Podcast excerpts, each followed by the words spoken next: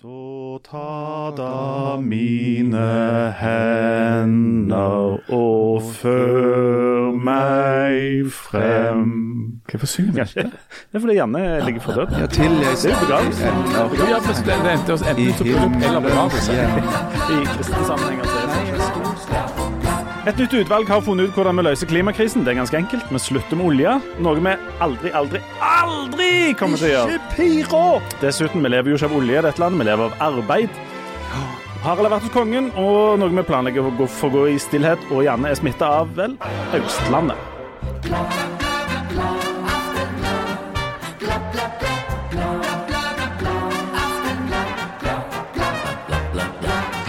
Du har fått Østlandet, og da er det gjort. Da er 101 ute. Um, men vi har jo med oss da Harald, den syvende rex. Gud ja, ja. Ja, ja, ja. Og Jan, den første i sitt slag. Sal? Nei, faktisk eh, andre, da. Er du den andre Jan Sahl? Ja, eller farfar heter jo Jan, Jan. Zahl den andre? Oh, Jan det? Men det, det, Ja. er det, heter du da Jan Sahl den andre? Nei, han heter Jan Henry, og så er det jo farf, var det jo farfar, så Men dere har ikke sånn system der dere har sånn annen hver? Altså at folk heter liksom Jan, og så heter de Erik, og så heter de Jan, Nei, heter de Erik ja, men jeg ser for å bli litt bibelsk, så ser jeg at det er mye rot i Johannes døyperen. og både Jan og Hans og Johannes og. Hasse, som eh, et tilfeldig utvalg av folk her heter, er jo alt utgangspunkt i døyperen i, i, Og Jon og Jordan. Jone og- Jordanelva.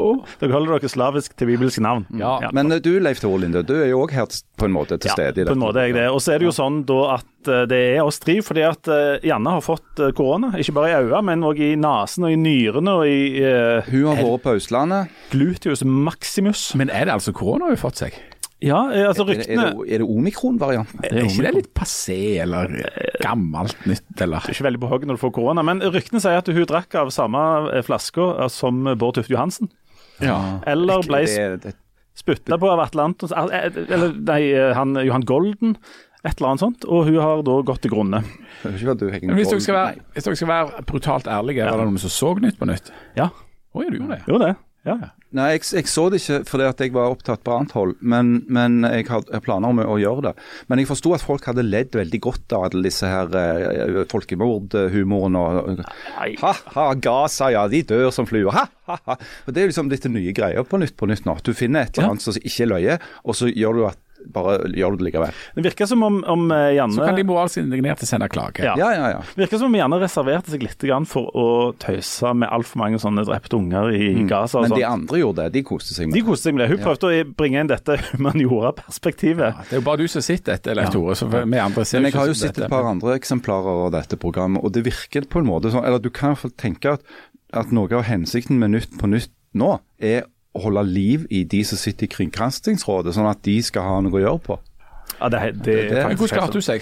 Du- vil og si- nå kan du være ærlig, siden du ikke er her og Ja, ja, ja, ja, si noe imot. Jeg vil si hun klarte seg eh, godt. Så virker det som om Austlandet var middels eh, eh, liksom mottagelige for dette humaniora-perspektivet i, i gullrekka. Men, Ja. men, Men- fikk hun sagt noe om, om oss? Nei, ingenting. Og det, dette var svært skuffende. Og um, hun ble ikke kalt for språkforsker en eneste gang. Hun er jo språkforsker. Ja. Uh, så så uh, Fikk hun sagt Ted Huge? Nei, eh, nei, men hun fikk nevnt noen andre forfattere som jeg aldri har hørt om. Uh, hvem det nå var. Og så fikk hun et, inn et veldig fint ordspill på uh, når de skulle snakke om Amazonas, uh, som hun på et tidspunkt kalte Hamas-Sonas. Hamas, Sonas. Jeg husker ikke hele vitsen, men det var, det var en god Det er liksom det punch. på Gaza. Ja, ja. Men Men, mens men fikk, altså, sa hun ikke engang sånn 'fuck you'? Nei. Hva var var det egentlig, Janne? Ja, jeg tror, det, For meg virker det som om de hadde dopna ned for å få en slags mild østlandsversjon av eh, Mm. Sa hun 'diras' Mm, for ja. Ja, det må, Is, det må ja. nødvendigvis ut. Men mens dette foregikk, Harald, så var du um, gikk Så kunne vi jo se live bilder Det kunne jo alle. når du eh, gikk gjennom de forgylte saler Mm, mm. Uh, sammen med det mange trodde var barnebarnet ditt, men så viste seg å være uh, er kunnskapsministeren. ja, Kari Nessa Nordtun. Mm. Og det åpna jo en del Eller det var en del brikker som falt på plass, da. Oh, ja? Um, for, for, du må jo forklare hvordan du havna i denne situasjonen, da. Altså, Ja, ja, jo, jeg kan det. Og Så tenker jeg på det at jeg havna på Slottet. ja, alt, Eller- det er ingen av Det har du forklart sist. Det har vi snakket med vel Ja. om sist uke, men Hvordan havna du arm i arm med eh, det Nei, som så, inntil altså, nylig det er var nok ordføreren i Stavanger, og nå er representant i regjeringa? Ja, er Politisk redaktør i Stavanger Aftenblad går arm i arm. Ja, det er sikkert min feil. For det at greia var at du kom inn der, og så blir du litt sånn forvirra. Det er en trapp, og så står du der og blir tatt imot. Og så tenkte jeg ah, hvem skal jeg gå inn med? Eh, og da hadde jeg egentlig en avtale med Tone Sofie Aglen, som er eh, politisk kommentator i NRK. Men hun hadde ditcha meg til fordel for Sveinung Rotevatn, som vel representerer partiet Venstre, tror jeg. Det gjør han. Eh, Så når jeg ble klar over det, at jeg var studd opp på det groveste av Tone Sofie Aglen, takk skal du ha, mm. så måtte jeg jo Det var jeg desperat leting etter noen andre jeg kunne gå med det. Og akkurat da så kom Kari Nessa Nordtun gående forbi. Så spurte jeg har du noen du går med. Så sa hun nei, og så gjorde vi det. Hun hadde ikke det? Hadde hun tenkt å gå opp der alene? Jeg vet ikke hva hun hadde tenkt, men det var i hvert fall akkurat det som skjedde. Så her, Vil, vil du gå med meg? Det var sånn som vi spurte om på altså, jeg, barneskolen. jeg kunne jo risikert, Hvis ikke kunne jo risikert hva som helst. Det kunne vært ordføreren i Bindal, eller sjefen for Riksrevisjonen, eller i verste fall eh, forsvarssjef Eirik Kristoffersen. Det hadde jo vært eh, det er vel aller verste. ja. Men, Eller kunne gått alene. ja. Men, altså, det hadde sikkert Jan valgt, tipper jeg. Han hadde valgt å gå alene. Selvsagt, ja. Suverent. Suverent. skritt og, gjennom og, og da hadde i, Da hadde jeg valgt gangarten eventyrgange. Hva er det? Det betyr at du altså Vanligvis når du går, så går du diagonalt, sånn at det er venstre fot fram parallelt med høyre arm. Mens i eventyrgangen, der beveger du deg litt mer kantete enn og enn. Altså, altså det er høyre arm og høyre fot fram En slags sånn samtidig. passgang. Så Sånn du går Som Ivo sånn, du ser, Som en isbjørn. Du er litt som en Ivo Caprino-dokke, og, det- og det er veldig det er, det er kun for store anledninger. Men da er vi jo i den situasjonen der Harald Birkevold, politisk redaktør i Stavanger Aftenblad, Mm. hver gang ifra nå av, når du skal uttale deg om Arbeiderpartiet i regjering generelt, og Kari Nessa Nordtun spesielt, Mm. og alt du noensinne analyserer om Kari Nessa Nordtun sin politikk i Stavanger som Så ordfører, det lys så kan, det, så kan alle som er mildt uenige eller Mm. skeptiske til deg, bare hente fram det bildet av politisk redaktør i Stavanger Aftenblad som går arm i arm på slåttet i smoking. Og hvis dere, ikke ta, hvis dere ikke får tak i det, så kan vi sikkert være behjelpelige med det. Ja. Men da, sett i lys av det, så burde jeg jo sannsynligvis bare takket nei til hele greia. Ja, For noen det. måtte du gått over det gulvet med, eller?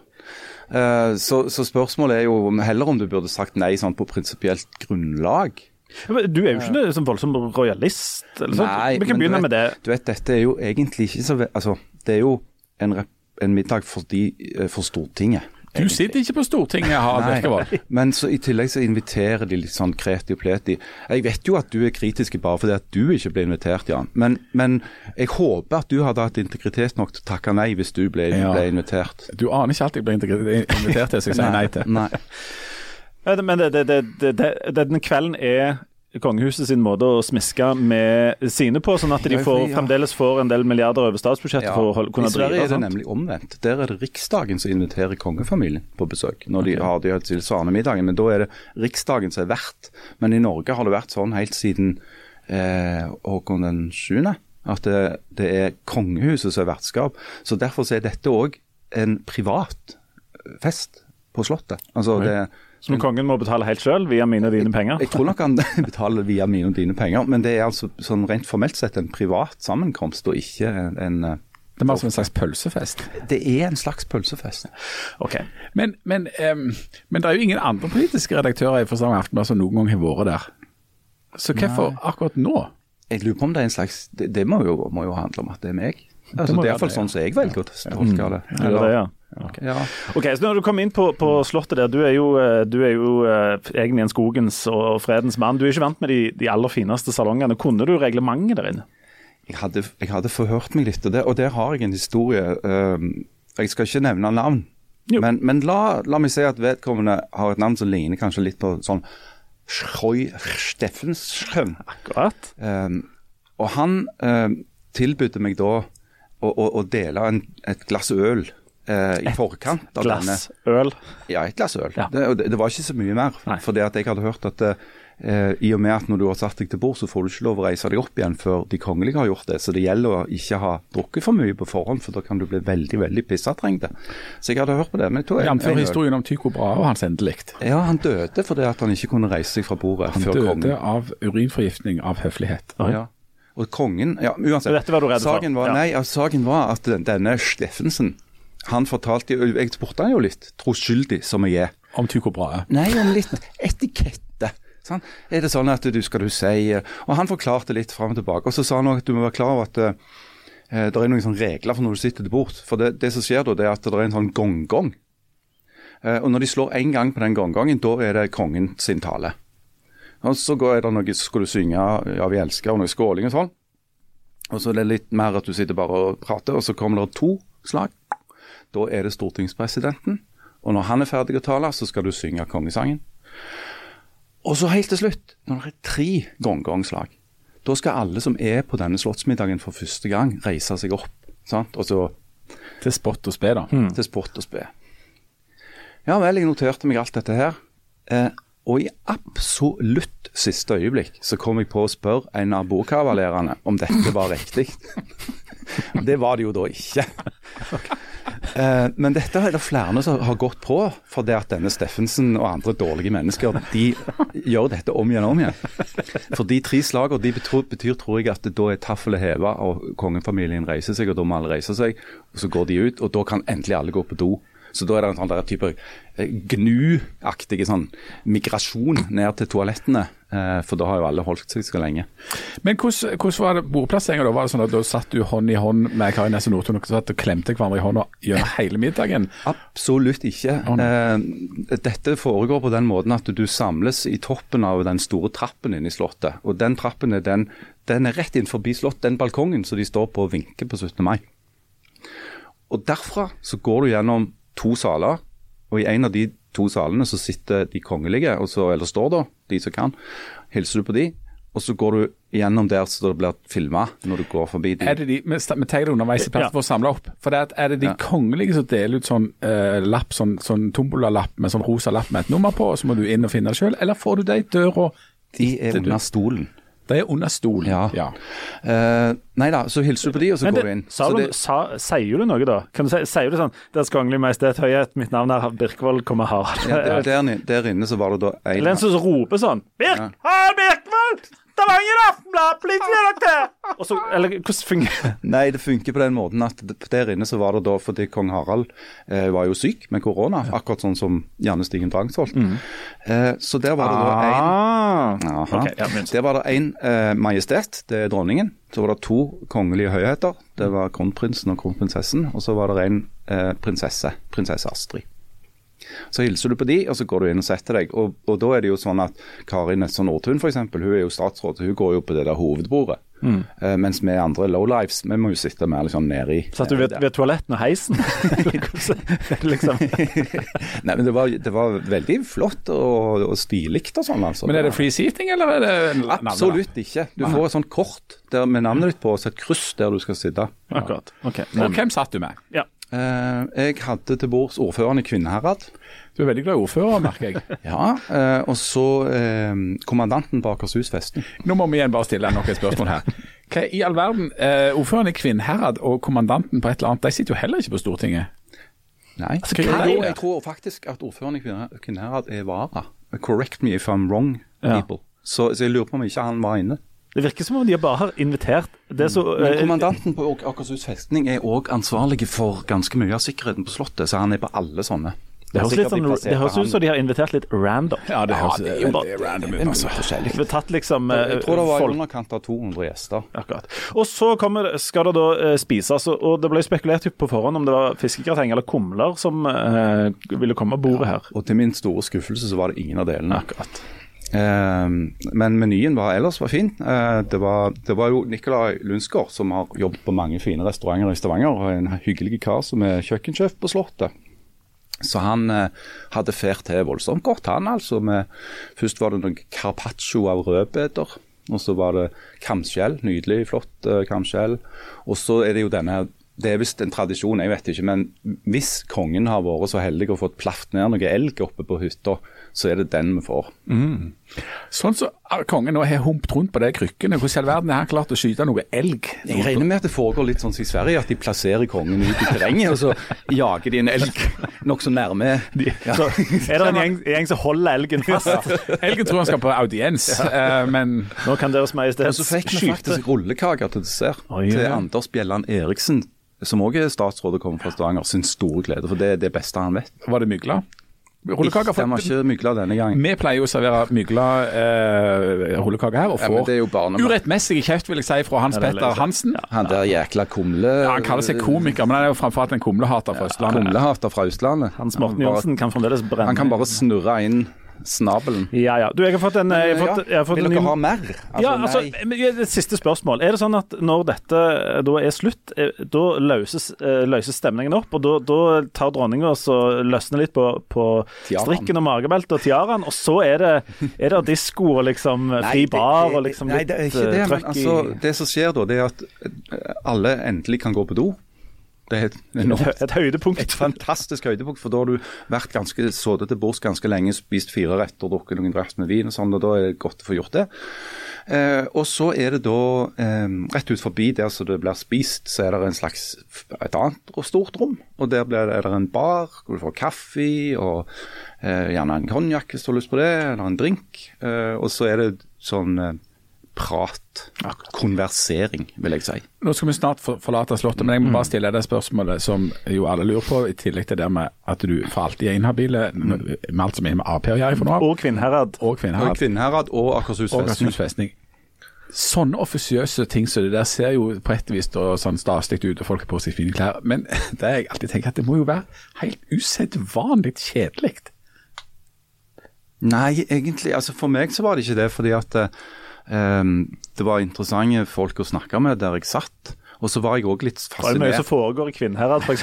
ja, ordføreren i Kvinnherad har mye mer å by på enn bare Kvinnherad, skal jeg love dere. Uh, men uh, det var òg det at jeg har, jeg har, aldri vært inne i Slottet før jeg i mitt liv, så for meg så var det jo litt sånn wow, ja, det var litt interessant, og det var litt interessant. Og de hadde jo til og med et, et eget fuglerom. Og jeg er jo veldig glad i fugler, så det var veldig kjekt å se. Akkurat. Så, og så går jo det går jo ganske fort, da. Og på et tidspunkt her så var det på hodet ut, og så Ja, da er det sånn at det, det, det er ikke noe som drar seg utover i natten, dette Nei, her. Okay. Så da går du, takker du fint for deg, og så går du, stryker du på dør. Akkurat. Ja. Og, og, da står du plutselig ute der og Er det på Lorry da, eller? Da er rett på Lorry. Ja, akkurat. Fortsett uh, Jeg tror det er en slags tradisjon. Ah, ja. Det òg. Akkurat. Ja, det er mye tradisjoner. Så er det, er det lorry. Du, Vi har uh, fått en uh, melding fra Janne her, som uh, er hos legen. Har fått påvist brudd i venstre nyre. Det var jo litt ja, uheldig. Går det an å brekke nyra? Ja, ifølge hun så eh, har hun fått påvist det. Oi, oi. Hun om det. Du, mens, ja, ja, du, mens, mens du eh, drev og svinsa deg i, i, de fineste salonger, så var jo meg og deg gjerne ute i, i det virkelige livet, vil jeg si. På, vi var på på, har vært på økonomifestival i Stavanger som helt vanlige folk. Ja, ja. Som helt, helt vanlige folk så har dere vært på økonomifestival. Mm. Der skjedde det jo Så dere er inhabile når det gjelder økonomi nå for all framtid? Ja. Jeg har vært inkompetent når det gjelder økonomi svært lenge, og lenge før denne festivalen. Um, det er jo mye å si om, om økonomi. Det er jo så mangfoldig. Og, og, og. Og forskjellig. Um, hva, har du, er det noe du har grepet deg merke i? Altså, jeg, jeg, fikk liksom Noe av det som jeg var mest spent på, var jo dette klimautvalget. Når de la fram rapporten sin. Skal vi, skal vi begynne der? Ja, men Da må du begynne med noen andre enn meg, for jeg har ikke unngått alle arrangement som handler om klima. Mm. eh, så det, det vet jeg, jeg ingenting om. litt med på det. Ja, altså, eh, jeg kan, jeg kan ta sikkert, Du har sikkert fulgt med bedre enn andre. Kan ja. du bare ta den? Jo, jo, jeg kan, kan, jeg kan, gjøre det. Altså, For to år siden så uh, satte Solberg-regjeringa ned et uh, uavhengig utvalg til dette for å se på hvordan Norge skal gå fram for å nå klimamålet i 2050. Mm. Og Vi skal altså redusere med alt. Altså mm. mellom 94 90-95 skal vi ned i klimagassutslipp. Mm. Og Så har de satt ned en hel haug med, med, kloke hoder, eh, selvfølgelig et par av de fra Stavanger. Og lederen, som til vår eh, store fornøyelse heter Martin Skanke. Ja, ja det er veldig, veldig bra. Alle vi som har levd Det som er så bra, er at du kan gå fra å være racerbilsjåfør til ja. å bli utvalgsleder for klimautvalg. Kan... Men hvis det, hvis det, haster, så trenger du jo en racerbilsjåfør. Det er det du gjør, og her haster det.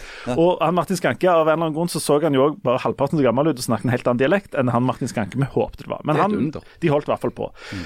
Og Så la de fram altså denne rapporten på, uh, på fredagen. og det Måten de har gjort det på, er å se at ok, vi kan sitte igjen med 5% av de klimagassutslippene vi har nå. Hva må vi da fjerne? Og Så viser det seg at 5% av klimagassutslippene det er ca. jordbruk. Ja. Ellers kan vi ikke slippe ut noe. Så den naturlige konklusjonen Altså vi må kutte 95% Ja. For å nå våre egne vedtatte klimamål. Og, ja, som regjeringen har vedtatt helt ja, sjøl. Ja.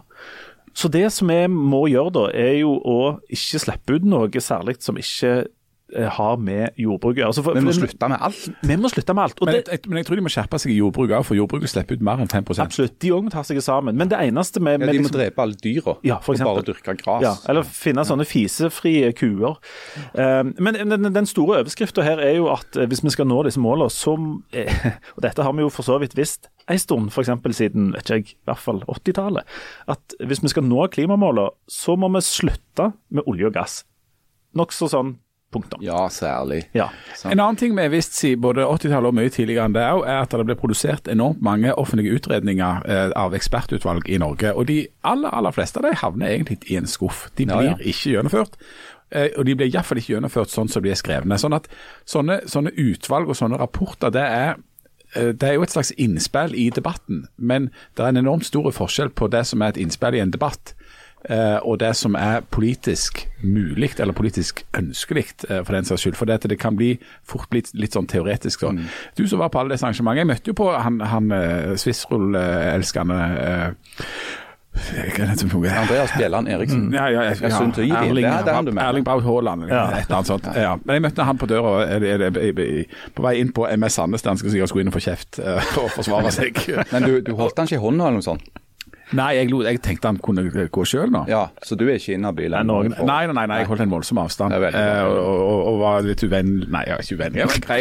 Men, var du grei? Nei, da er du inhabil. Ja, da er jeg inhabil. Men, men um, hvordan, hvordan, hvordan, ble dette tatt imot da, på en måte av, av politisk miljø? For dette, Vi er jo i en situasjon her at det er liksom fagpersoner og, og de som jobber med både det økonomiske dette og det sånn klimamessige, har jo en masse sånne råd. Det har de hatt i veldig lang tid, men allikevel så skjer det omtrent ingenting i klimapolitikken, eller fint lite. Og at det som skjer er i stor grad f.eks. symboltiltak. F.eks.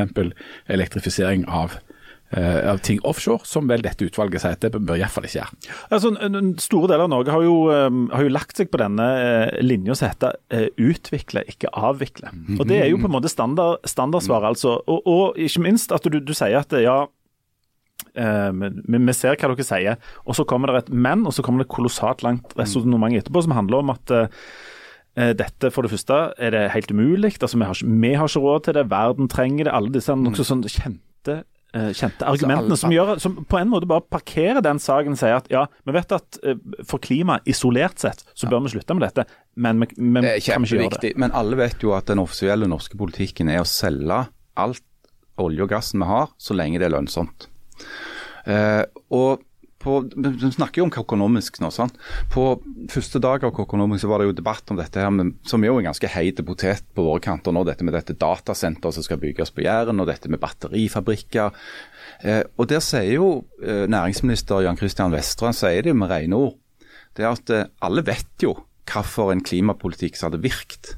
Men ingen, politi, poli, altså ingen politiske partier som hadde hatt den politikken, ville fått makt. Der er dilemmaet. Sånn? Hvis, du, hvis, du, sier eh, slutt med alt nå, eh, la oss si at du f.eks. heter MDG da, og sier slutt med det meste nå, da får du 2,8 i Stavanger. Det er ikke nok til å få makt. Og Noe av grunnen til det er at du, hvis du sier at du legger ned alt i morgen og bare slutter med alt dette og gjør alt det som mm. en sier der, så mister du liv og levebrød og velstand og omtrent absolutt alt som foregår her. Ja, og En verden uten olje ville òg vært for øyeblikket en verden uten kunstgjødsel. Det ville vært en verden uten eh, bildekk og plastposer og alt det du lager av petroleumsprodukter. Sånt. Så det hadde blitt en verden hvor det hadde blitt veldig vanskelig å holde liv i 8-9 milliarder mennesker. Og, og det er òg et faktum. Og så er det jo et argument som den godeste eh, Erling Braut Lie Bjelland, eh, vår nye klimaminister Sønn til Ivien. Sønn til Ivien. Ja. Um, brukes som, som du òg hører veldig ofte, og det er at vi trenger ikke sette en sluttdato, for den sluttdatoen den kommer av seg sjøl. Altså På et eller annet tidspunkt her så, så krysser det Og nå er vi tilbake i økonomien. Altså det blir, det blir ikke lønnsomt å ta opp eller å få opp den oljen og selge den lenger, for det andre ting mm. vil være mer lønnsomt. Og at dette på en måte skal gå litt over av seg selv. Altså det der med at vi skal si at vi skal, ikke, vi skal slutte å lete, vi skal, skal, ikke utvinne noe etter den og den datoen. altså Den datoen fikser på en måte dette store mm. systemet selv. Bl.a. at dette, denne mystiske størrelsen, markedet, mm. finner ut at sånn blir det. Mm. Men det som har skjedd i Norge, da, og, og som, som, er litt av grunnen til at det har blitt et sånn ekstra stort dilemma hos oss, det er at denne regjeringen, regjeringen Støre, har jo i tillegg til å ratifisere alle de internasjonale klimaavtalene i Paris og, og Kairo og, Stockholm, har jo sagt at uh, i tillegg til alt dette, så skal vi ta alle disse kuttene innenlands. Vi skal ta de helt sjøl. Det, det, og det betyr På norsk betyr det at vi skal ikke bare kjøpe kvoter og kjøpe oss ut av problemet, for det kunne vi gjort. Vi er jo søkkrike. Eh, Norge kunne kjøpt klimakvoter nok til at vi ikke trengte løfte en fing. Eh, det er altså ikke politikken. Vi skal gjøre det sjøl. Eh, og så et annet dilemma. Er det, er det fornuftig? Jeg, jeg, er veldig i tvil. Jeg tror nemlig ikke det. Ja. Et annet dilemma det er jo at teknologien flytter jo debatten. Altså, eh, En snakker jo veldig mye om sånne teknologier som skal komme en gang. Vi skal klare å gjøre det både eh, teknologisk mulig og faktisk også lønnsomt å injisere CO2 ned i reservoarene igjen. Altså sånn karbonfangst og -lagring, som det kalles. Og vi skal ikke gjøre det bare med vår egen karbon, vi skal importere karbon fra eh, andre økonomier, så de òg kan få bli kvitt problemet sitt ute på norsk sokkel. Vi kan faktisk tjene penger på det. Vi skal lage såkalt grønt hydrogen. Eh, sånn utslippsfritt hydrogen. Vi skal lage batterier som er av en kvalitet som gjør at vi kan lagre vindkraft lang, i, som jo er et kjempeproblem med alt sånn fornybart, er at du kan jo bare lage vindkraft når det blåser, og bare solkraft når det er sol. Men alt dette er ting som skal skje en annen gang. Eh, foreløpig så er ikke denne teknologien kommersielle. Han, han, han finnes på en måte bare som prøvestadie. Det samme med, med havvind. Havvind er avhengig av enorme subsidier. Batteriindustrien ikke så enorme, men tross alt subsidier for å holde liv i seg sjøl. Sånn at eh, veldig mye av dette ansvaret blir lempa over på staten. Og hvem er det? Det er oss. Det er deg, Kari Nesse Nordtun og hun fra Kvinnhofsherad? Det, det er meg, Kari Nesse Nordtun, ordføreren i Kvinnherad. Og kommandanten på Akershus festning. Det er vi som skal ordne opp. Og så blir det lest opp på en veldig sånn konkret måte. Nå er jo da strømprisen på full fart opp i resten av landet òg, i tillegg til her. sant? Mm. Eh, og det skaper raseri og aggresjon blant folk. rett og slett. Jeg tror det eneste som hjelper er at sånn strømprisen blir jækla høy på Østlandet, for det er jo der de bor alle disse her. Ja, ja. Nå er det mål om sånn, ja. Du, det er, er, en annen ting med disse eh, som, som, vi har sagt nå. Det, vi har jo visst veldig lenge at måten å fikse klima isolert sett på er å slutte med olje og gass. Altså det, det, det, er ikke det, Til og med de, de, som er lengst ute, skjønner jo det. Men, er det noen som husker hva som skjedde i Stavanger i 2015? Oljeprisen gikk til helsike. Ja, det gjorde 30 000-40 000 mennesker mista jobben. Og dette, dette, bringer meg inn på det som jeg ble sittende og diskutere litt utover kvelden. Må, dette er litt, kanskje litt påvirka av at jeg ble introdusert for dette med sambuca. Artig. Er det et uh, Jeg har vært borti den giften, og det er jo djevelens munnvann. Jeg fikk beskjed om at dette var noe italiensk med lett smak av anus. Ja. Så jeg tenkte at jeg, jeg kjører på. Uh, jeg har jo ikke vært borti dette med sambuca før, men jeg, jeg fikk prøvd det, og så havna jeg da i en slags uh, rundbordsdiskusjon etterpå. Blant annet om sånne utredninger. Og det, det var noen som påpekte en ting som gjerne er verdt å ha med seg, og det er at f.eks. en utredning om klima hvordan skal vi nå klimamålene i 2050? Mm. Den ser bare på én ting, nemlig hvordan skal vi nå de allerede vedtatte klimamålene i 2050? Altså Han ser jo ikke på noe annet. Nei. Og Et av problemene med det er at ok, vi kan gjerne være at vi har fiksa klima, da, men da har vi, vi har gjerne rasert f.eks.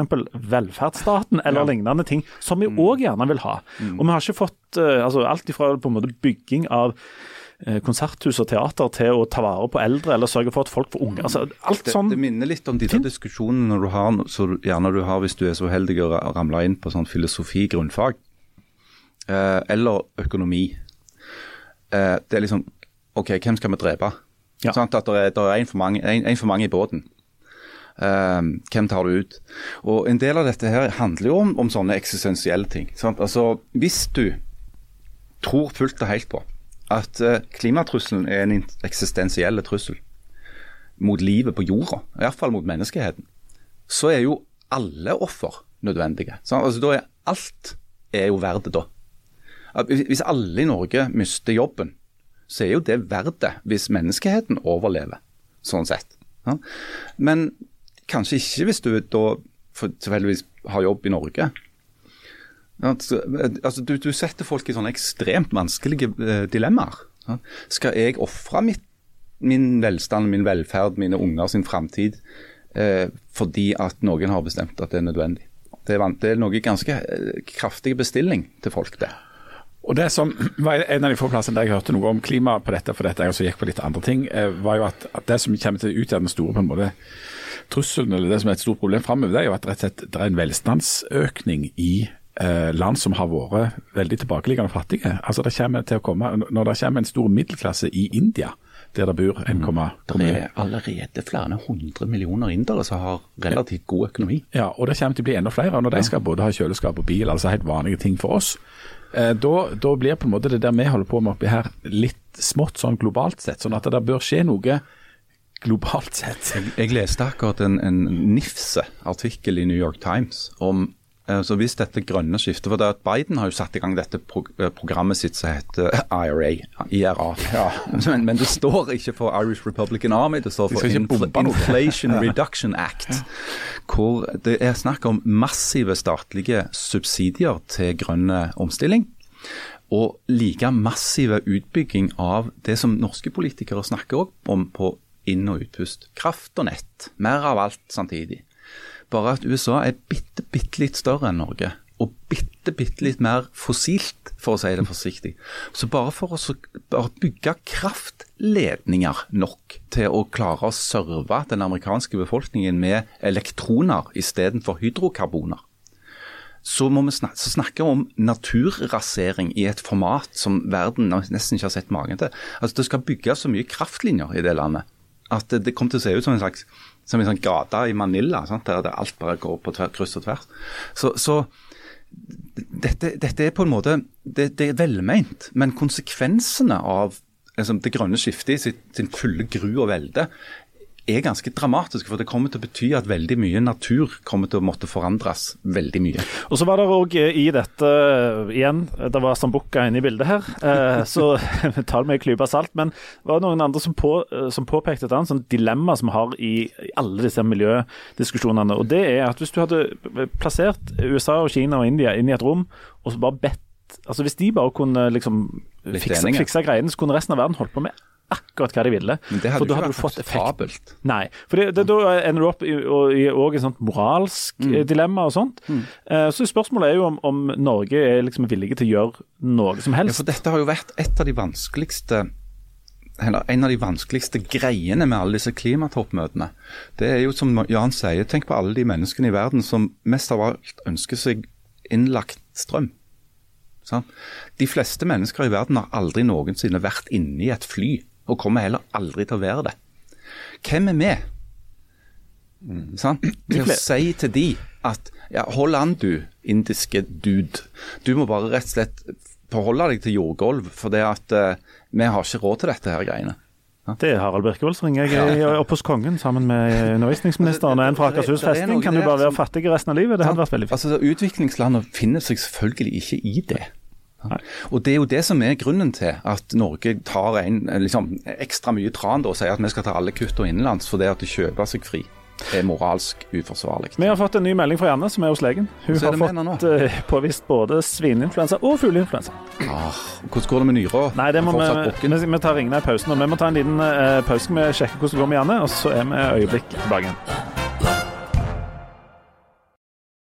Bla, bla, bla, bla. Og hjertelig velkommen tilbake til Aftenbladet. Vi har snakket med Jan i pausen. Hun har fått. Jeg vurderer om vi skal ta et vers til av den 'Ta det mine hender'. Hun har fått uh, svartedauden og koldbrann. Ja. Nærmere deg, min Gud, nærmere deg Du, En annen ting som, um, som ble snakket om på, på, økonomi, på dette økonomistevnet med folk med kolossalt med vekttall, er jo arbeid, altså. Oh, ja. Det ble snakket mye om arbeid, jeg interesserte meg for arbeid, mer- Ja. merkelig nok. Uh, og, der, og der er det sånn, det er litt sånn ja, for du har hørt om konseptet, det høres interessant ut. Jeg har hørt om det. Jeg har latt meg fortelle om, om konseptet arbeid. Uh, og bare, men, men, men allerede der er du jo med en sånn interessante ting. Fordi at eh, jeg, jeg går f.eks. da på denne Vi går på denne økonomifestivalen og skriver om det. Da går jeg på økonomifestival fordi det er arbeid. Jeg, går- altså, jeg, jeg, jeg går der, jeg sånn. bestemte forhånd, går tilbake og så skriver noe eller intervjuer noen eller snakker med noen, lager reportasje. Det er, en, det er arbeid. Men når jeg er ferdig med denne arbeidsdagen min er slutt, så fortsetter jeg å gå på økonomifestivalen. Er jeg da på arbeid, eller er jeg eh, Hva er det da Altså, jeg din holder på med? ånd egentlig? hviler jo aldri, ja. Nei, jaså ikke. ikke. Men det illustrerer et av, et av dilemmaene med moderne arbeid, altså skillet mellom hva som er arbeid og hva som ikke er arbeid, og hvor, tid du, hvor mye du er på arbeid. og, og, og hvor, altså at Arbeid er det noe du gjør hele døgnet, egentlig. Hvor ofte sjekker du e-posten din eh, på kveldstid? Eh, altså det der greiene der. Men så er det jo vært store diskusjoner rundt arbeid da, i, i Norge og sånt og i verden. alt dette her. Det En film som går på kino nå, som jeg anbefaler, heter After Work, som problematiserer arbeid på en interessant måte. Du skrev om den. Ja, jeg skrev om den, jeg skrev anmeldt den. Det var en god film. Um, men for eksempel så er det jo sånn at det vi hører fra alle kanter i Norge nå, det er at det store problemet i Norge når det gjelder arbeid, er mangel på arbeidskraft. Det er for få hender og få få hoder til å få utført de tjenestene som skal gjøres, og, og, og få lagt altså, nye ting og få gjort ting. Eh, Det er nesten ingen arbeidsledighet, selv om det altså er tøffe tider i økonomien.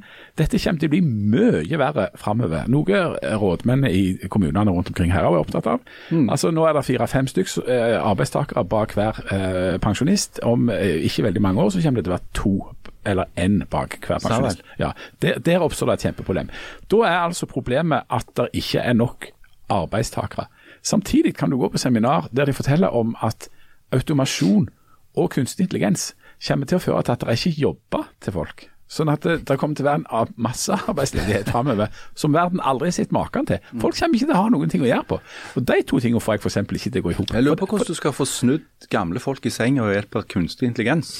Ja, men det, kanskje du kan få gjort det med automatisering. Jeg vet ikke. Vet ikke, jeg ja, ja. Jeg syns, det høres litt urealistisk ut at, at eller det er en av de to tingene Det, går jo ikke i hop, ja. rett- Nei, nei det, og dette er, jo, dette er jo det alle sånne kommunefolk, offentlige, folk som styrer offentlige penger, driver og sliter veldig med. Og så Hver gang denne utfordringen liksom kommer på bordet, så nevnes jo teknologi som en ting som skal være med å løse en del av problemene. sant? Ja. For teknologi er den store, ukjente faktoren som vi ikke vet eh, hvordan blir, og hvem, hvordan vi skal bruke den framover.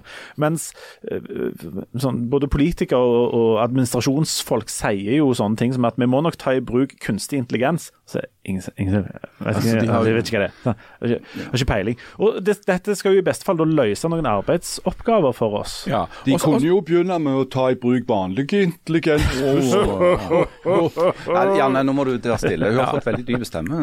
Og så er det sånn at for, for der er det sånn, at så må du se på hva det er da behov for, hva er det du skal gjøre. Jeg var på eh, et par seanser med Nicolai Tangen, altså oljefondsjefen. Det- Inhabil. det, Har du så det og holdt handa i hånda? Nei, du. Nei, jeg har ikke holdt den i hånden, Jeg bare så det Rett i samme rommet, så det- ja. Og voldsom Ja, hva sa han da? Nei, For det første, i parentes bemerka, å se Nicolai Tangen komme, det er jo at da kommer det en sånn rockestjerne. Han sitter på maken. Har han sånn entourage og sånn? Nei, nei, men, Ja. men, folk møter altså det var, det var liksom, Jeg vet ikke hvor mange hundre billetter det var selv på Fiskepiren. Fiskepirene, det, altså det er ikke et lokale med 22 stykker i. Der var liksom alle som tjener penger i Stavanger. De var der. Og dagen etterpå så var han på universitetet, på Handelshøyskolen. Massevis av folk. Altså, han er en sånn, det er sånn Folk vil ha en sånn nær Tangen-opplevelse. Ja, rett og slett. altså, Og selfie og helt sånn her. er, "Oi, OK, nå er Mm. vi rockestjerneland. Nei, han, han snakket eh, til f.eks. ungdommen da, hadde noen råd til ungdommen om hvordan skal dere tenke rundt dette med arbeidsliv framover. Og hovedrådet hans var dere må ikke bry dere om hva andre sier eller andre mener. Dere må gjøre det dere selv elsker. Som er et merkelig råd. Når det er et råd der han ber de om å høre på han. Men de skal ikke høre på den. Men, men hvis det skulle være sånn, det- sånn, hvis du gjør noe du elsker, da har du større sjanse til å lykkes i det. Og hvis du, altså livet er drit nok fra før, sånn at hvis du jobber med noe du ikke liker, så blir det jo helt meningsløst. alt dette. ja, ja, ja. Da er det jo en fordel hvis det du elsker er f.eks. finans, og du blir greit god i finans og blir militær og alt det greiene der. Det det er jo kjempebra, men det tror jeg ikke alle nødvendigvis kan bli. Og så er det sånn, staten sier jo at dere må jo Det vi trenger er helsearbeidere, omsorgsarbeidere, vi trenger lærere, og vi trenger yrkesfagfolk. Altså folk som gjør helt konkrete En ting. del soldater òg, vil jeg kalle og en del soldater. Det er så mye. Det er så, ja, en del soldater, for Forsvaret også skal skal jo styrkes og alt dette. Og da, eh, De to tingene går heller ikke i hop i det hele tatt. Jeg var jo i Tyskland i vår, eh, på et seminar om, om energi- og sikkerhetspolitikk. Og, og Tyskland, etter det som skjedde i Ukraina, så har de sagt å herregud, vi må visst begynne å bruke litt penger på militæret igjen. Som de har hatt gode grunner til å være litt skeptiske til ja, de siste generasjonene. Eh, problemet er jo at det er ingen tyske ungdommer som har lyst til å bli soldater. Så de har jo ikke folk. De har, de har bl.a. kjøpt en masse nye sånne undervannsbåter. Men de bare ligger der, for de har ikke noen til kan kjøre dem. Sånn, det, er, det er jo bruk for fortsatt masse folk. Eh, og, og når det gjelder det der med Ja, de sier det er, der er nesten ikke arbeidsledighet i Norge. Men det er veldig mange som er ute forbi, altså som ikke blir telt med. Sant? det at de er ikke registrert som arbeidssøkende. Og Det er jo kanskje fordi de er på en eller annen form for trygdeytelse, eller de har falt helt utfor systemet og er over på, på sosial... Altså, Det er jo fortsatt et ubenytta potensial der. Sånn. Eh, men det òg er jo en vanskelig og litt sånn betent debatt. Og når Tonje Brenna hun skulle jo berede grunnen for at hun skulle skifte jobb fra kunnskaps- til arbeidsdepartementet. Og Hvordan begynte å gikk det? snakke, og, nei, det gikk bare sånn passe, for hun begynte å snakke om å komme seg opp om morgenen. Og Det er for det første en provokasjon for de som jobber natt. Ja. For da har de akkurat gått og lagt seg, så får de stå opp igjen. Eller de som ikke klarer å Det stå. er nokså drit. Ja. Sant? Du skal jo aldri få sove, liksom. Men det er òg en provokasjon for de som av ulike grunner ikke kan eh, jobbe. Det, det skjønner jeg. Eh, men samtidig så har jo Brenna rett. Hun har rett i at det er eh, at det er folk som utnytter systemet. Det er ikke tvil om at du har rett i. Eh, jeg kan ikke forestille, meg at det er så stor forskjell på Norge og Sverige på det området. Det ble akkurat lagt fram en, en dyster rapport i Sverige som viste at eh, altså, milliarder av svenske kroner ble kanalisert inn i eh, gjengkriminalitet gjennom bevisst og systematisk svindel med trygdeytelser. Det er, jeg er helt sikker på at det er tilsvarende fenomener i Norge. Eh, sånn at eh, og Det er jo liksom det er dumt med den debattkulturen. for at du skal Enten skal du være helt enig med Mimir Kristiansson, ikke sant, som er blitt en slags fanebærer for de trygda, og velsigne han for det, for det er, det er mye å ta tak i der. Men sannheten ligger jo alltid et sted imellom. Og så eh, viser det seg jo at at der Norge virkelig skiller seg ut, det er jo da i at vi har dette enorme oljefondet. altså Vi ligger på toppen hele masse indekser, og så har vi dette enorme oljefondet.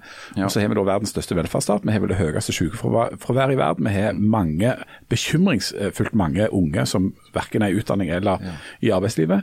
Eh, Men, men, eh, men det vi har, at vi har en enormt stor offentlig sektor. Den vokser helt uavhengig av om det er høyresida eller venstresida som styrer. eh, Han vokste faktisk mer under Solberg-regjeringen enn han gjorde under Stoltenberg-regjeringen. sånn at nå er det med, altså I BNP i det siste statsbudsjettet så, tror så mener jeg at det var 62% av BNP er nå offentlig, eh, altså offentlige utgifter. I Sverige, eh, som altså er et land det går an å sammenligne seg med, for det ligger rett på sida av og er samme modellen, er de på sånn 48-47% Altså Norge ligger himmelhøyt over dette. Og der bærer Stortinget et stort ansvar. For, ikke minst fordi at Stortinget og, og, og vekslende regjeringer, borgerlige og sosialistiske, har vedtatt en haug med lover som gir oss rettigheter. Sant? Du har rett til det og rett til det at du er en slags kunde hos staten. Og da trenger du en masse kundebehandlere. Til å ta imot alle disse her kravene og søknadene. Men det dette systemet med, det er derfor vi trenger å bevare disse oljetingene. sånn, For vi trenger å smøre dette systemet. Og så lenge du har Altså, hvis du har mye penger, så kommer du til å bruke mye penger.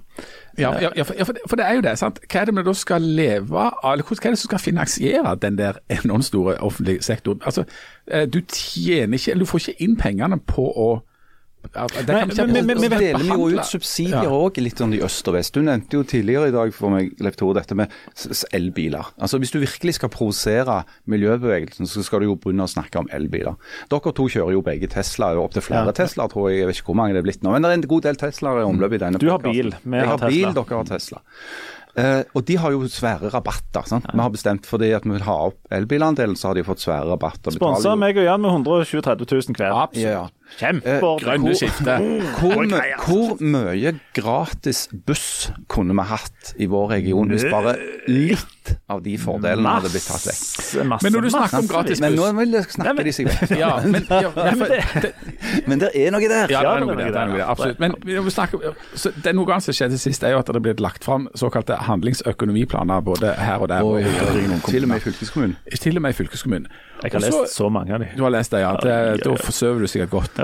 Men da bare slo det meg. Jeg, jeg satt og lurte og undra for meg sjøl etter å ha vært på økonomifestival, for så vidt. Men nå var det jo sånn at i juni da var det det at det hopet seg opp så grassat mye penger i Stavanger. fikk. Kolossalt. Det var hundrevis av millioner. Og lå, de pengene lå i lommen der og bare brant. Så da var det et voldsomt behov for å, å svi av og si ok, nå skal vi bruke 200 millioner kroner på at folk skal kjøre gratis buss. Og blant de som stilte seg opp i heiagjengen der, da var nyslått eh, politisk kommentator Leif Tore Linde. Syns Ja, ja. det var en kjempeidé. Veldig bra Nå, idé. eh, den, eh, den veka, eller Forrige uke blir det lagt fram handlings- og økonomiplaner av administrasjonene i Stavanger, Sandnes og, og, og fylke og alt som holder på.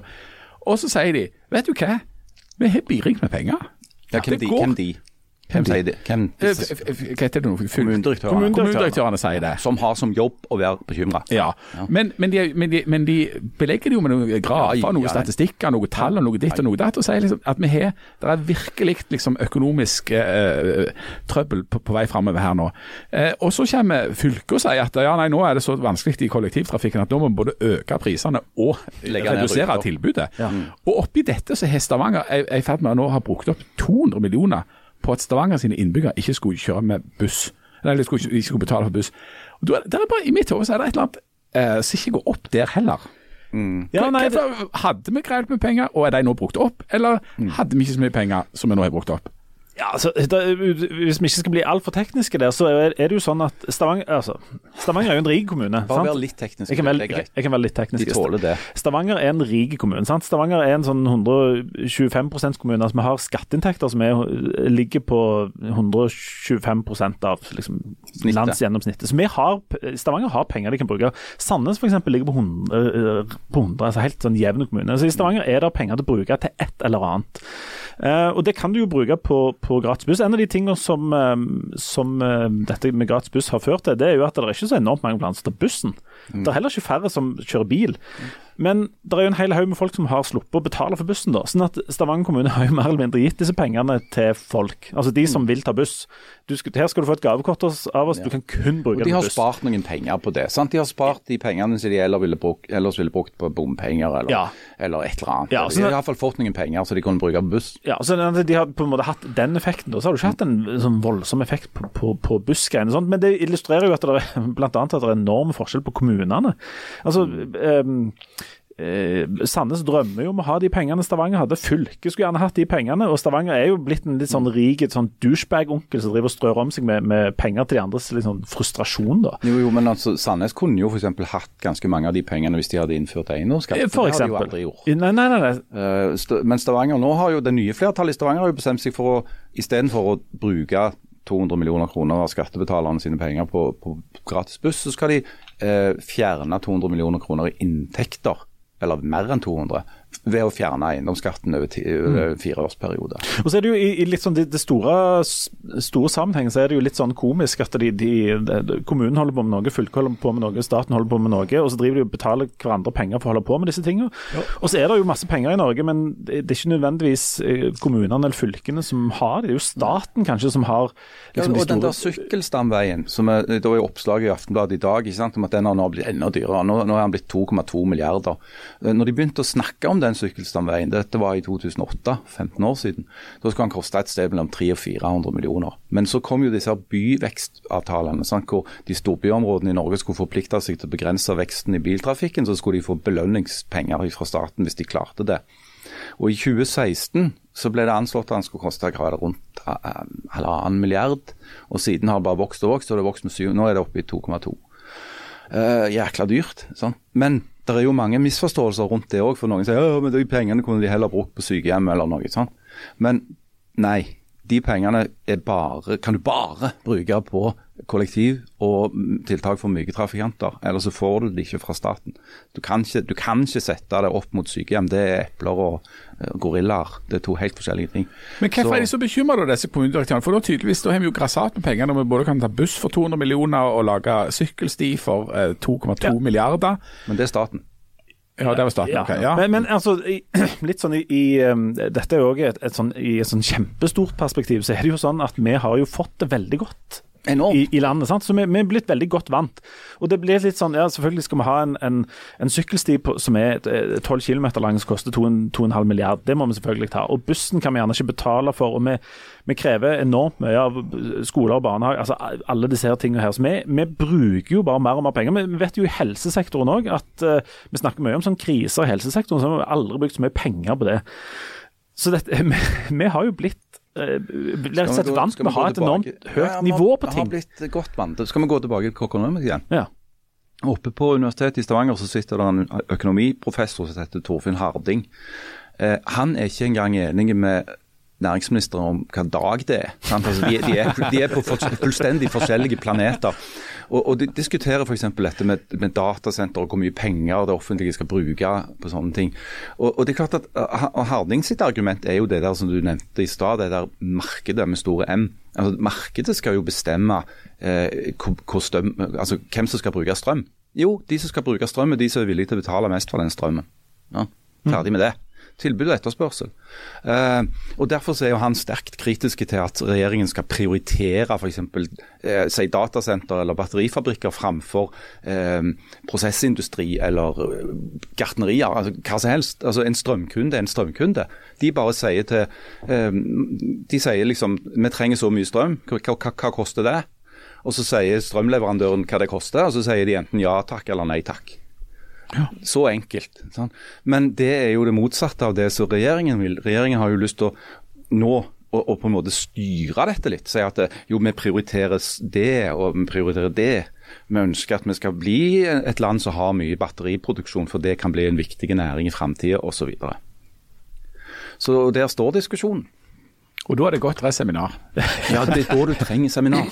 og det er jo det som er veldig løye, at det er Uh, og vi har, jo, vi har, jo, vært på ganske mange av disse seminarene. Enormt med seminar. Uh, vi har òg vært på sånne storsamlinger der uh, der sitter enormt mange og hører på hvor viktig det er at alle de andre i landet jobber. Altså, uh, der, er, der er åpenbart et eller annet å gå på. Og Vi har jo òg diskutert dette sjøl noen ganger, at hvis det virkelig kniper, så er det gjerne, så er gjerne ikke sånne, sånne, som oss. De mest produktive folka. Vi er ikke ute verken lager strøm eller olje eller liksom grave i jorda eller sånne ting.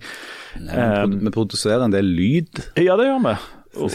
her inne i dette rommet. Ja, dette, er jo, dette er jo definert som arbeid, pussig nok. Ja, ja det, er, det, det, det, er jo jobb. Ja. Og, det, og, det, er jo dette arbeidet vi skal da få holde på med når, når, eksempel, når denne teknologien da kommer og løser alt. Så skal jo um, på en måte uh, men tror, men tror dere, Det har jeg lurt på en sånn, altså, Kan kunstig intelligens erstatte oss? For nå er det jo veldig gode sånn stemmeprogrammer og sånn. Vi kunne bare fått en maskin til å å lage stemmene våre, så kunne, kunne bare han tatt seg av hele greia. Så kunne han gjerne bare hatt brudd i milten, eller hva det var. Nei, Hvordan går det med henne nå, forresten? Nei, ja, hun har, har fått en melding til. Hun har fått sånn uh, Zika-feber. Å oh, ja, ok.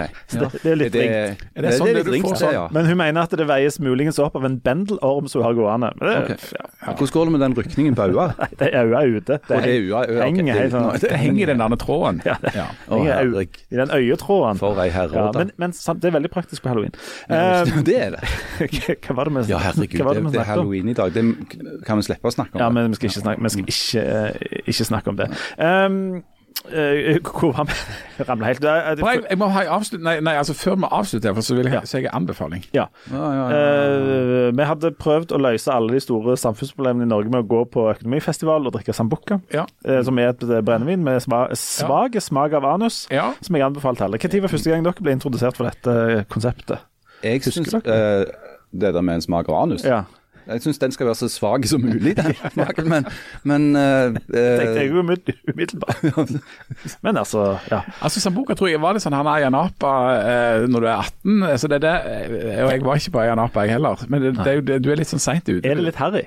For jeg, jeg kan ikke reglene her. Nei, jeg, vet ikke. Jeg, jeg, har drukket det i en drink for ikke så altfor alt for lenge siden. I Oslo, i et ganske stort hus, sammen med nei, noen nei, fra Kvinnherad kommune? Det var på en eller annen bar. Altså, for det er ofte sånn som de bruker som en sånn ingrediens. Er det ikke det? Ja, det finnes jo forskjellige sånn.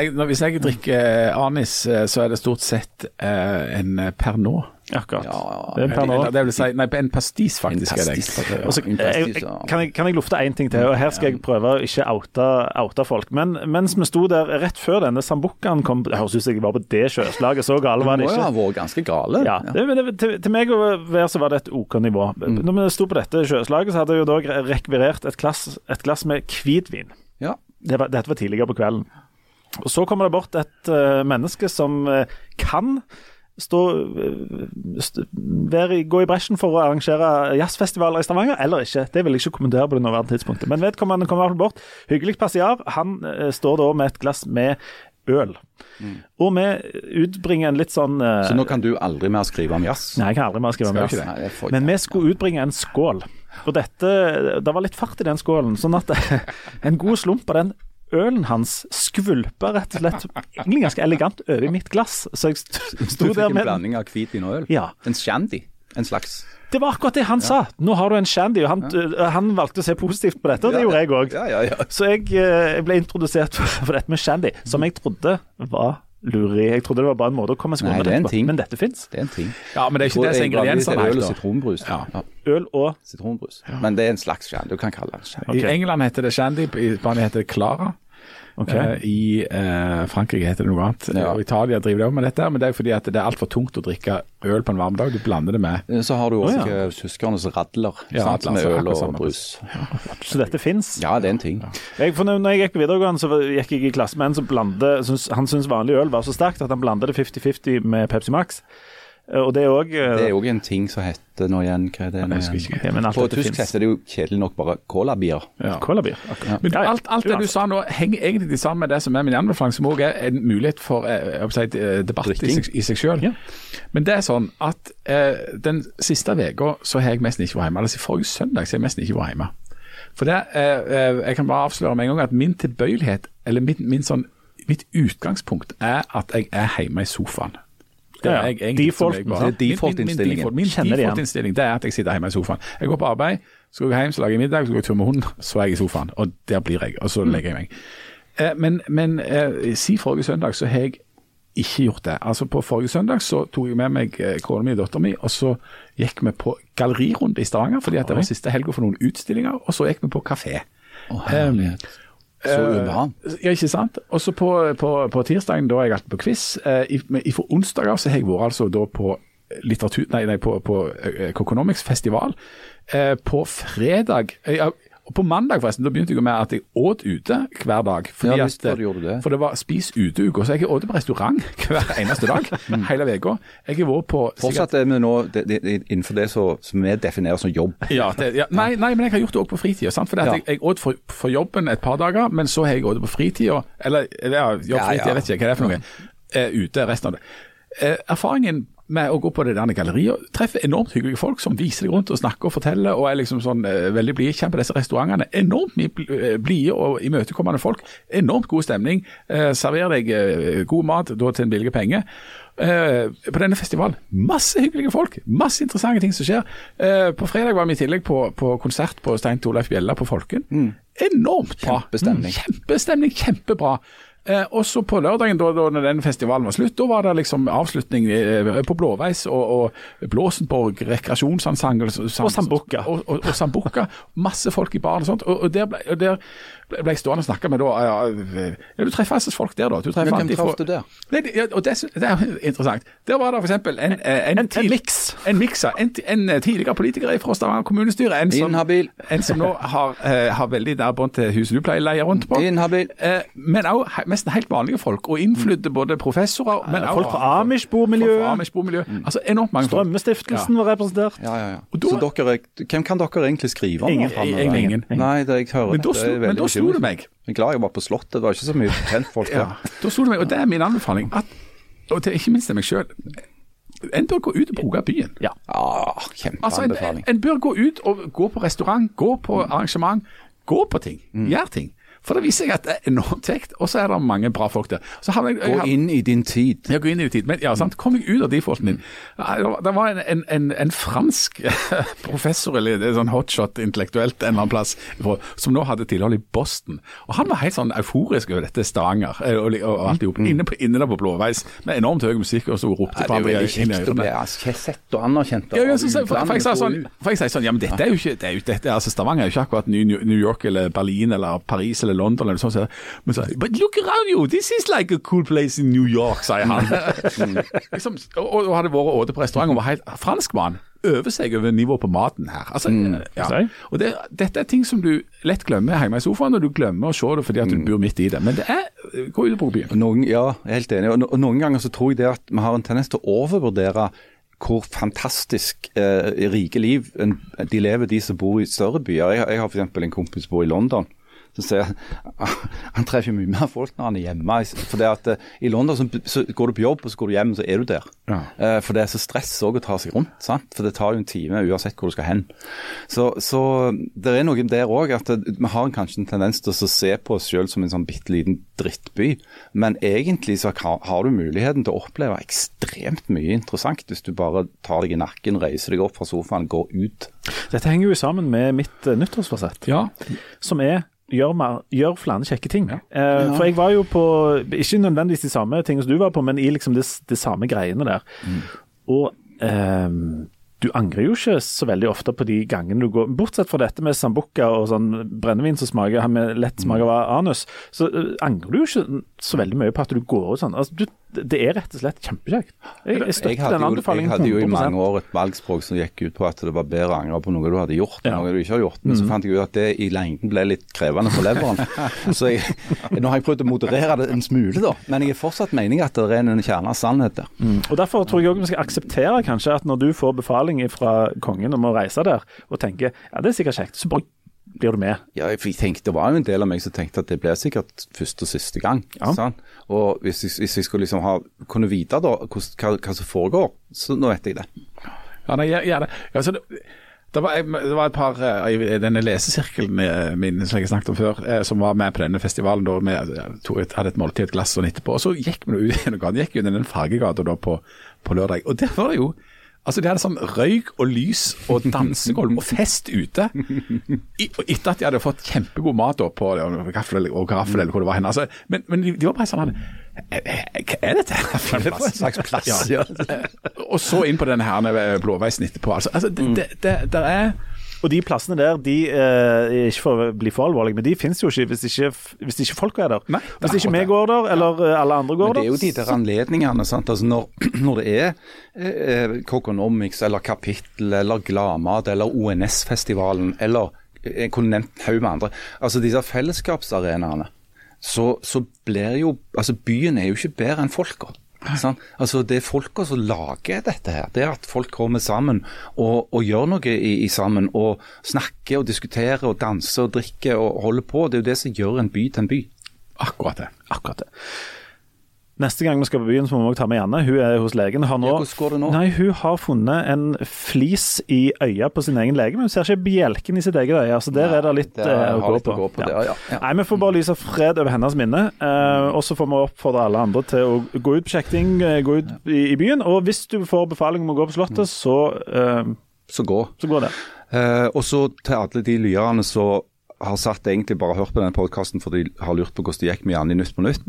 Kan vi, hvis hun mot formodning skulle være iblant oss neste uke, så kan det være at de kan få litt da. Ja, vi må det.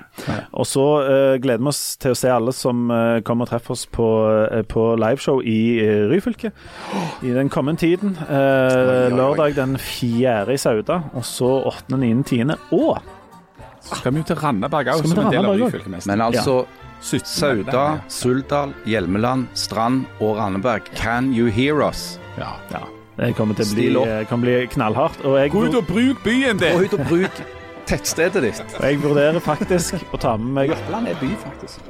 Skal vi ta med sambukka? Vi, har, vi kan ha med bitte litt sambukka, bukka, og så ser vi hvordan det går, hvor mange som er inhabile etterpå. Ha det! Ha det. Det er nok mange som er skuffa nå, som ikke fikk høre på Janne. Ja, det er Nei, Janne, Nei, Janne. der har de gleda seg i mange dager. De skal reise på hytta, de skal ha bla, bla på i bilen. og... Å, hun er så løyen, hun er så løyen, hun er så løyen, hun der Stigen Drangsholt. Artiga. Ja, ja, ja. Var ikke hun med på det bit for bit? Ja, hun var med på Bit for bit. Og så, og så her Du var så god på den Norge i dag. Ja, det var jo god også når hun hadde andakten. Ja. oh, Som er nedlagd nå etter hun tok den. Det er tilfeldig, men Det var eh, så godt å få høre ordet.